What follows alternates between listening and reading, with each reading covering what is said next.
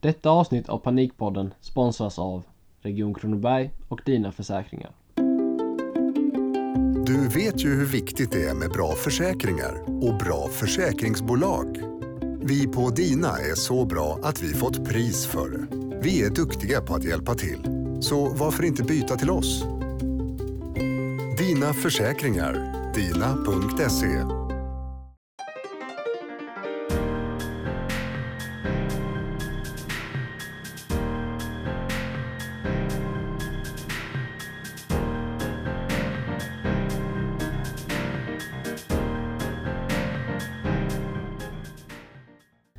välkomna till eh, Panikpodden där vi kommer att prata om psykisk ohälsa. Idag sitter vi här med Oliver Rosengren. Välkommen. Tack så mycket. Eh, Du kan få börja med att presentera dig. Mm. Lite kort eh, vad du heter, när du är född, lite om din familj Mm. och din karriär. Mm. Jag heter ju då Oliver Rosengren. Jag är eh, 26 eh, Eh, och eh, är kommunalråd och ordförande i nämnden för arbete och välfärd i Växjö kommun. Eh, jag har hållit på med politik i 11 år och varit kommunalråd sedan, ja detta är min andra mandatperiod så jag har ganska nyligen då blivit omvald här. Jag gör min tredje period i kommunfullmäktige. Jag studerar nationalekonomi, och har gjort det tidigare och har innan det pluggat statsvetenskap på Linnéuniversitetet. Yes. Eh, fråga, har du några hobbys utanför jobbet? Vad gör du när du inte arbetar med politiken? Jo, eh, det, det, om man håller på med politik så är det ju, man har ju liksom inte några arbetstider eller sådär. Utan om man är förtroendevald som jag är så är man ju alltid det. Man kan liksom inte ta semester från att vara ansvarig för en kommun. Eh, men jag har givetvis eh, saker som inte är jobb som jag tycker är roligt att göra. Jag tycker mycket om att umgås med vänner och familj. Eh, och jag är noga med att träna varje morgon. Så att innan, för, att starta upp dagen så går jag till gymmet på morgnarna. Ja, intressant. Då ska vi börja ställa några frågor om psykisk ohälsa som den här podden kommer att handla om då. Mm. Vi börjar med frågan, hur jobbar Växjö kommun med psykisk ohälsa just nu? Mm. Psykisk ohälsa är ju ett växande samhällsproblem och det eh, som vi ser är att det drabbar inte minst unga och riskerar att få ganska långvarig påverkan på ungas liv eftersom det påverkar studieresultat och möjligheten att klara skolan. Och vi vet ju att om en ung person inte tar sig igenom skolan så påverkar det hela livet. Möjligheten att få ett jobb, möjligheten att må bra även senare. Eh, och därför är det viktigt att man kommer till rätta med detta så snabbt som möjligt. Och de stora satsningarna som vi gör, gör vi därför just i skolan. Att eh, arbeta med förstärkningar av elevhälsan. Vi har satsat eh, många nya miljoner de senaste åren på att stärka upp elevhälsan och har dubblat antalet personer som arbetar med elevhälsan. Just för att man ska kunna möta elever kvalitativt tidigt och sätta in rätt hjälp också breddat vilka olika kompetenser det är som finns i skolan och som kan hjälpa elever att, att komma framåt eh, ifall, man, ifall man mår dåligt. Att gå till skolan och ha liksom gnagande eh, rädslor, oro, ohälsa. Det kommer ju liksom blockera möjligheten att lära sig saker. Och därför är det viktigt att vi tar tag i de fall där det finns psykisk ohälsa, erbjuder bra hjälp och samtidigt försöker se till att ifall det har påverkat en skolgång att det också finns möjligheter att komma tillbaka till sina studieresultat. Ja, riktigt bra. Vad heter det? Jag tänkte det med också hur just nu är ju de som tar mest självmord i, är det äldre män eh, enligt statistiken. Eh, hur ser Växjö kommun på det? Jo men ensamheten är ju eh, något som påverkar eh, de här, den här statistiken eller det här lidandet som vissa äldre personer upplever. Samtidigt ser vi också att där det ökar mest är i andra grupper och inte minst en kraftig ökning bland unga. När det gäller att möta äldres ensamhet så finns det några förslag som vi arbetar med i Växjö. Ett av dem är att göra det vi kallar för ensamhetsscreening. Så när en äldre person kommer i kontakt med Växjö kommun för att exempelvis ansöka om hemtjänst eller vad det kan vara. Då ska vi också se till att ställa lite frågor om hur den sociala situationen ser ut. Det finns bland annat erfarenheter från Storbritannien där man har gjort projekt eh, med volontärer i ideella föreningar. Där en äldre, på precis samma sätt som att man kan få hemtjänst, så kan man få tips om föreningar som man kan engagera sig i. Och de har sett att det har brutit ensamhet och på det sättet faktiskt också minskat vårdkostnader, kostnader för äldreomsorgen, men också just den psykiska ohälsan bland äldre. Så det är väl något vi hoppas kunna importera till Sverige och till Växjö eh, för att kunna se samma typ av utveckling även här. Ja, jätteintressant hur, att se hur kommunen arbetar. Och eh, du är ju en eh, väldigt ung politiker om man jämför med andra i din position. Eh, är det så att du måste stå på dig mer på grund av det eller hur bemöts du av de äldre? Men jag får den här frågan ibland och ofta så förväntar sig folk som frågar, nu vet jag inte om ni gör det, men att det ska vara jättejobbigt och svårt att vara ung och politiker. Och jag kanske har bara väldigt lyxiga förutsättningar här i Växjö av att mina kollegor inte beter sig på det sättet. Jag vet ju, att, jag vet ju om vänner som finns i andra delar av landet som har betydligt svårare. Men vi har eh, även tidigare haft en liksom, kultur av att man blir utvärderad på vad man kan och vad man gör. Inte hur gammal man är eller vad man har för kön eller vad det kan vara utan att vara noga med att eh, om man är påläst och har koll på grejerna och man gör det man ska då spelar det inte så stor roll hur gammal man är eller sådär utan då, då så att säga vinner man förtroende och respekt eller vad man ska säga.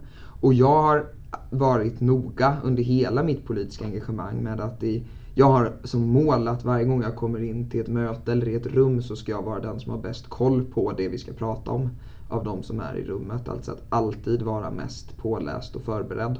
Eh, och det tror jag har hjälpt mig att komma, att komma framåt så att säga. Yes. Eh,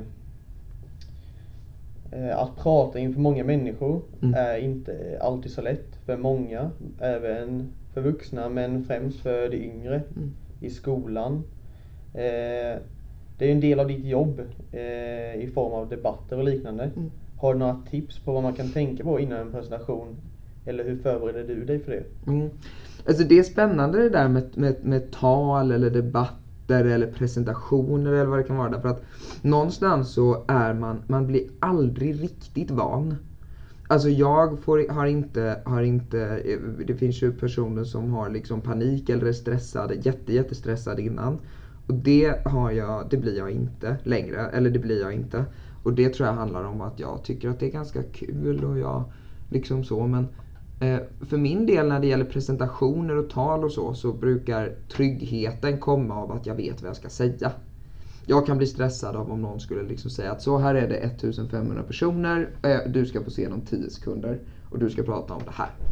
Eh, därför att då skulle jag vara så här, oj, jag kommer inte göra bra ifrån mig för jag är inte förberedd. Men om jag ska hålla ett tal som jag vetat om att jag ska hålla och sådär så har jag ju tänkt igenom vad jag vill säga. Eller om jag ska hålla en presentation om mitt arbete till exempel. Så vet jag ju vad det är jag vill ha fram därför att jag jobbar ju med det hela tiden. Så då är det inte så komplicerat. Eh, en debatt tycker jag mest, det är ju liksom politikens eh, 100 meters lopp på något sätt. Så att någon gång vill man ju tävla och det gör man då lite i debatter och i val och sådär. Så, så det, det, det, eh, det kan snarare vara liksom en kick att gå in i en debatt så på det sättet. Men, men det handlar ju om att vara förberedd och att inte stå där och känna att hoppas nu inte jag får en fråga för att då vet jag inte vad jag ska säga. Utan att istället hela tiden känna att man är på, på offensiven så att säga. Att nu vill jag ha ordet därför att jag har ett par bra saker att säga. Samma sak om det är ett tal, att komma dit och känna att liksom, jag är noggrant förberedd, eh, det här kommer gå bra. Då, då mår man ju också bra innan. Även om jag tror att det är nyttigt att känna, inte bli liksom fat cat och luta sig tillbaka för mycket och tänka att jag kan skjuta vad som helst från höften. Utan för min del så har det handlat mycket om det här med att vara noggrann i förberedelser och att också öva. Det tycker jag är viktigt, liksom att ta varje tillfälle man får. att eh, Även om det är liksom 10 personer man ska snacka framför så är det en bra förberedelse på när det är 100 personer. Och när det är 100 personer är det en bra förberedelse på när det är 1000 personer. Ehm, om man ska ge något råd sådär. så ehm, be alltid några kompisar innan att ge lite ärlig feedback efteråt. Alltså i skolan så blir man ju ofta bara lämnad åt att en lärare ska sätta betyg. Och det är egentligen inte så viktigt för hur bra man blir i framtiden på att hålla tal och presentationer. Utan säg åt några du litar på, som du vet är ärliga, det är det viktigaste. För det värsta som finns är ju när någon ska ge en feedback och de bara säger att allt var fantastiskt. Så var det inte det. Eh, så att, så att var noga med att be några, några vänner innan. Och inte sådär efteråt att bara vad tyckte du? För då får man alltid bara säga jo men det gick ju jättebra. Och så kanske någon grej. Utan verkligen be folk innan att liksom ja, men, skriva ner några saker de tycker man ska tänka på. Eh, kanske till och med ha några frågor så här, det här och det här och det här undrar jag vad ni tycker om sen i efterhand. Så att man verkligen kan liksom få bra feedback. Och sen ta till sig den. Det är bra att be några stycken att göra samma sak också. För då får man liksom en lite mer generell bild. Ja, bra tips. Men jag tänkte eh, efter debatten. Mm. Det, har det varit någon gång att du har varit väldigt missnöjd med en debatt eller att du har varit mindre nöjd? Och eh, hur har du då hanterat det efteråt? Alltså ofta går man ju och grunnar på det. Mm. Hur släpper du det? Men när det gäller debatt, jag kommer till exempel ihåg från valrörelsen nu så var det en debatt eh, där jag kände att det där gick kanske inte så bra. Eller jag var ovan vid situationen, jag kan berätta om det. Eh, jag debatterar ju ofta och det var en i debatten som var väldigt annorlunda mot hur andra brukar debattera. Hon var liksom, eh, hon hade ganska högt tonläge, var väldigt aggressiv, sa vissa saker som var så här, jag bara, men det här stämmer ju inte ens. Och jag är van vid att, att representanter från partierna från de andra ha, är liksom, det finns flera stycken jag är van vid, jag hade aldrig debatterat mot henne innan. Och det där är ju också en förberedelsegrej. Nästa gång vet jag ju hur hon funkar liksom, så då kan jag ju vara beredd på det. Men här var jag verkligen inte det. Så jag kommer ihåg efter hennes första inlägg så var jag så här, oj vad hände här? Och då blev jag orolig därför att hon hade liksom dragit ner ganska mycket applåder och sådär under tiden liksom. Och man blir påmind då om att det är inte alltid den som får högst applåder som har gjort bäst jobb. Och det är en viktig läxa. Eh, det var likadant förra valet så gjorde jag en stor debatt på Katedralskolan. Och då var det några stycken som fick jättemycket applåder jag tyckte inte jag fick en enda. Eh, men sen när de hade omröstning efteråt så, så var vi bland de som det gick bäst för. Just därför att det är liksom inte tvunget att vara den där som får folk att skrika högst som är det bästa. Utan kanske ibland snarare, särskilt i politik, att vara den som nästan alla känner, ja det där var väl inte så dumt. Och någonstans är det lite, det är lite maraton. Alltså det är bättre att vara bland de bästa jättelänge än att toppa en gång och vara outstanding. Eh, och att i debatterna då liksom faktiskt tröska på med att liksom kanske inte vara den som ropar högst eller snor ordet utan att lite mer uthålligt jobba med liksom de viktigaste frågorna och sådär. Det tror jag, eh, det tror jag är, är viktigt och det har varit viktigt för mig också för att liksom behålla någon slags liksom lugn över debatterna. Att går det lite dåligt i en replik i en debatt så är liksom inte allting förstört. För det handlar om det samlade intrycket. Ehm, när det gäller vad man grämer sig över och så. Eh, alltså att veta att det kommer en oskön artikel i tidningen. Det är en sån grej som man kan grubbla lite på. Annars är jag ganska bra på att få saker liksom att rinna av. Det tror jag är en vanegrej också, det måste man öva på. Men att veta liksom att när man vaknar att bara så här, undrar om det är tidningen idag. Ja. Eh, det, det, eh, och det är egentligen inte för att man är liksom orolig över vad jag har sagt eller någonting sånt. Utan för hur folk ska tolka det. Det kan oroa mig mer. När folk läser det här, liksom, kommer de förstå vad det är jag menar? Eh, därför att det är ganska ofta som det blir kort och korthugget i media.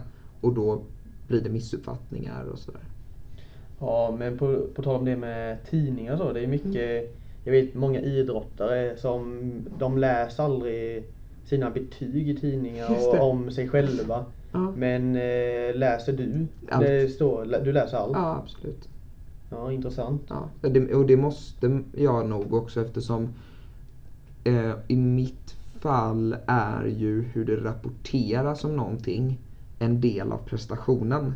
Alltså jag kan ha gjort jättebra ifrån mig men om media rapporterar det som dåligt så var det ju dåligt. Därför att eh, för mig handlar det ju också om att vinna ett förtroende hos medborgarna. Och om medborgarna som inte var där tänker att det här var ju jättedåligt. Eh, då spelar det såklart roll att de som var där kanske tyckte det var bra. Men alla de andra som inte var där, de har ju då en bild av att det inte var så bra. Och därför måste man också så att säga, det är viktigt att utvärdera hur blev detta på plats? Men också hur blev detta i media? Så det är liksom, det måste jag göra. Om du är idrottsman till exempel, eller idrottare, Eh, då gör du din prestation där och då. Tar du guld så tar du ju guld så att säga. Det spelar ju ingen roll om det står i tidningen dagen därpå att, att du inte tog guld, för det gjorde du ju. Sen så tror jag att det kan vara väldigt nedbrytande för en idrottare att till exempel läsa gång på gång på gång de gångerna man inte tar guld. Just hur dålig man är för att man inte gjorde det. Eh, så funkar det ju inte riktigt med politiken eftersom det samlar på sig under en lång tid. Och sen springer vi liksom ett lopp var fjärde år och då handlar det liksom om att, om att ta hem det då. Eh, och därför så blir det aldrig riktigt den känslan tror inte jag. Vi har liksom inte mästerskap varannan helg eller match varannan dag som om du spelar hockey till exempel. Är det ju, blir du utvärderad hela tiden på det sättet. Ja, jag förstår. Eh, visste du redan när du var i vår ålder, för du har ju också gått på Procivitas som Mm. vi gör nu idag. Visste du redan då att eh, du ville bli politiker och jobba med det du gör idag? Nej, eh, det visste jag nog inte. Alltså jag visste att jag tyckte det var kul med politik. Eh, och att jag ville hålla på med liksom samhällsfrågor och samhällsutveckling och sådär. Det har jag vetat länge. Men att jag ville bli, bli alltså jag vet fortfarande inte riktigt om jag är politiker. Jo det är jag ju såklart. Men alltså för mig är politiken på vissa, på några sätt, det låter kanske konstigt men det är liksom också lite en plikt. Alltså jag har fått förtroende från väljarna. Och det förtroendet måste jag förvalta efter min bästa förmåga. Eh, det, är liksom all, det är liksom inte alltid kul att hålla på med politik. Eh, men det är liksom inte heller riktigt därför man gör det. Utan man gör det för att varje dag när jag går till jobbet så tänker jag inte detta är så roligt. Men däremot tänker jag varje dag detta är viktigt. Och för mig är det större än att det är roligt. Eh, och det kanske låter lite konstigt men så är det faktiskt för min del. Eh, och därför så har jag nog jag har nog aldrig riktigt tänkt att säga yes, jag ska bli politiker. Utan det blev jag. Eh, sen var det val, då fick jag mycket röster. Eh, då blev jag, fick jag möjligheten att komma in i politiken på det sättet som nu. Sen har jag alltid velat hålla på med politik just för att jag tycker det är viktigt och för att man är med och utvecklar och man får möta mycket människor. Så jag har också alltid velat vara en del av det. Men just specifikt att nu ska du hålla på med politik här på, på hela dagarna. Ehm, eh, det, det visste jag absolut inte när jag gick på gymnasiet. Det kunde jag nog inte föreställa mig. Att eh, om liksom om, om eh, eh, några år här så ska du hålla på med, med, med politik. Jag tog studenten 2000, 2011. Eh, och då tänkte jag nog inte att liksom om, om, om sju, åtta år då kommer du ha blivit omvald som kommunalråd. Det har jag svårt att se att jag tänkte. Ja, väldigt intressant. Eh, det måste vara press på en eh, politiker och många tycker saker. Mm. Som jag har sagt att under valkampanjen, det är många som har åsikter som Mm. kanske inte stämmer överens med dina åsikter. Mm. Eh, hur förbereder ni er på den pressen från av Mm. både media som du sa innan, de skriver mycket som eh, kanske kan tolkas fel. Mm. Och eh, eh, det kan väl vara ganska lätt att hamna i prestationsångest Mm under de här tiden. Mm. Ja men det finns ju någon slags underliggande prestationsvilja hela tiden. Sen brukar jag försöka undvika att låta det bli som en ångest utan mer att liksom nu jobbar vi på här. Man kan göra det man kan och det gör man. Så försöker man ja, åtminstone undvika att ha ångest över det utan göra det. Det blir ju ett problem sådär med när man får prestationsångest är att prestationsångesten ibland ju resulterar i att man blir liksom nästan som handlingsförlamad och inte kan göra det man har prestationsångest över. Och det gör ju att det blir ännu värre därför att då gör man det ju inte heller. Man har ju ångest över prestationen. Så att det bästa sättet när man börjar känna att man har lite prestationsångest är att helt enkelt göra det. Eh, och då, sen är det gjort och då kan man liksom, då har man kommit igenom det åtminstone. Eh, så, så brukar jag försöka resonera. När det gäller det här med åsikter. Man, man kan inte hålla på med politik om man vill bli omtyckt. så, eh, det kan man inte.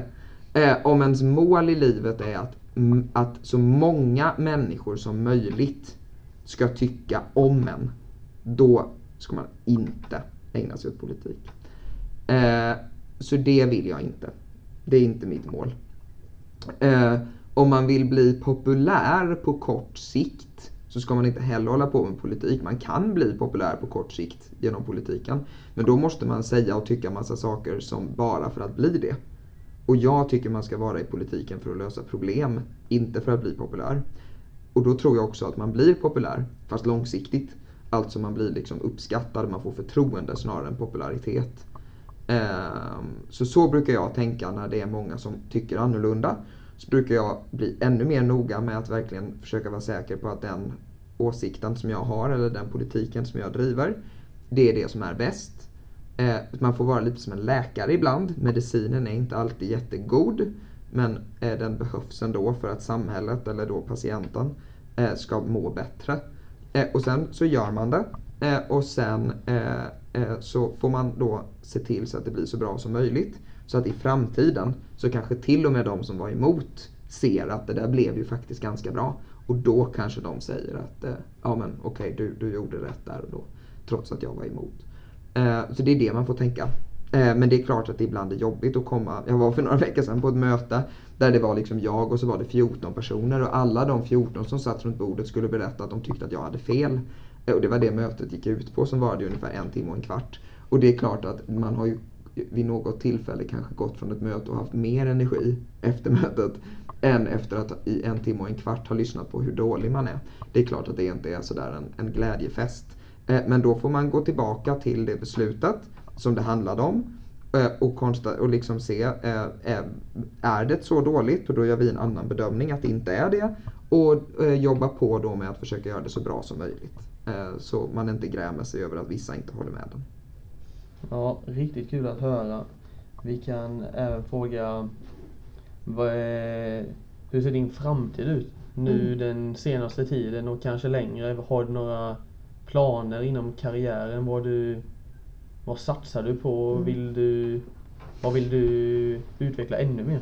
Ja, men nu har jag ju precis blivit omvald. Så nu vet jag ju att jag, eller det vet jag faktiskt inte än därför att beslutet fattas imorgon. Så ni är precis nu mitt emellan här.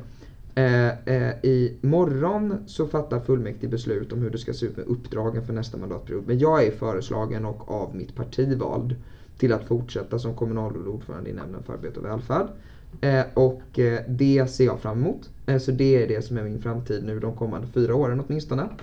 Eh, sen så eh, ska jag också då avsluta min masterexamen har jag tänkt i, i nationalekonomi under den perioden. Eh, och Eh, det är väl, väl ehm, eh, det är de, den korta tiden så att säga. Sen så får man se lite. Eh, det beror på massa olika saker, vad som ska hända därefter. Men jag trivs väldigt bra i kommunpolitiken och trivs mycket med att jobba för Växjöborna och för Växjös bästa. Det är verkligen en, en, en, en spännande utmaning varje dag.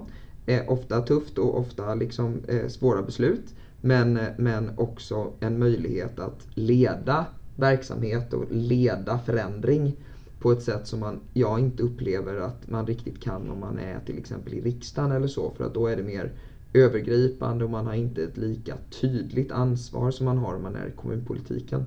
Jag har ju liksom eget ansvar för, för en förvaltning där det finns 1100 anställda och för en budget på ungefär en miljard. Och det är ju ett väldigt tydligt ansvar som är mitt.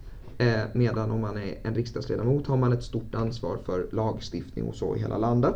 Men inte på det tydliga exekutiva sättet som man har om man är i kommunpolitiken. Och jag trivs mycket med det här mer ledande, eh, liksom exekutiva sättet att arbeta på. Stort tack för att du lyssnat på första avsnittet av Panikpodden. Vill passa på att tacka Oliver Rosengren för att du delat med dig av dina erfarenheter kring psykisk ohälsa. Samt tacka våra sponsorer Region Kronoberg och Dina Försäkringar för att ni gör denna podcast möjlig. Tack! Du vet ju hur viktigt det är med bra försäkringar och bra försäkringsbolag. Vi på Dina är så bra att vi fått pris för det. Vi är duktiga på att hjälpa till. Så varför inte byta till oss?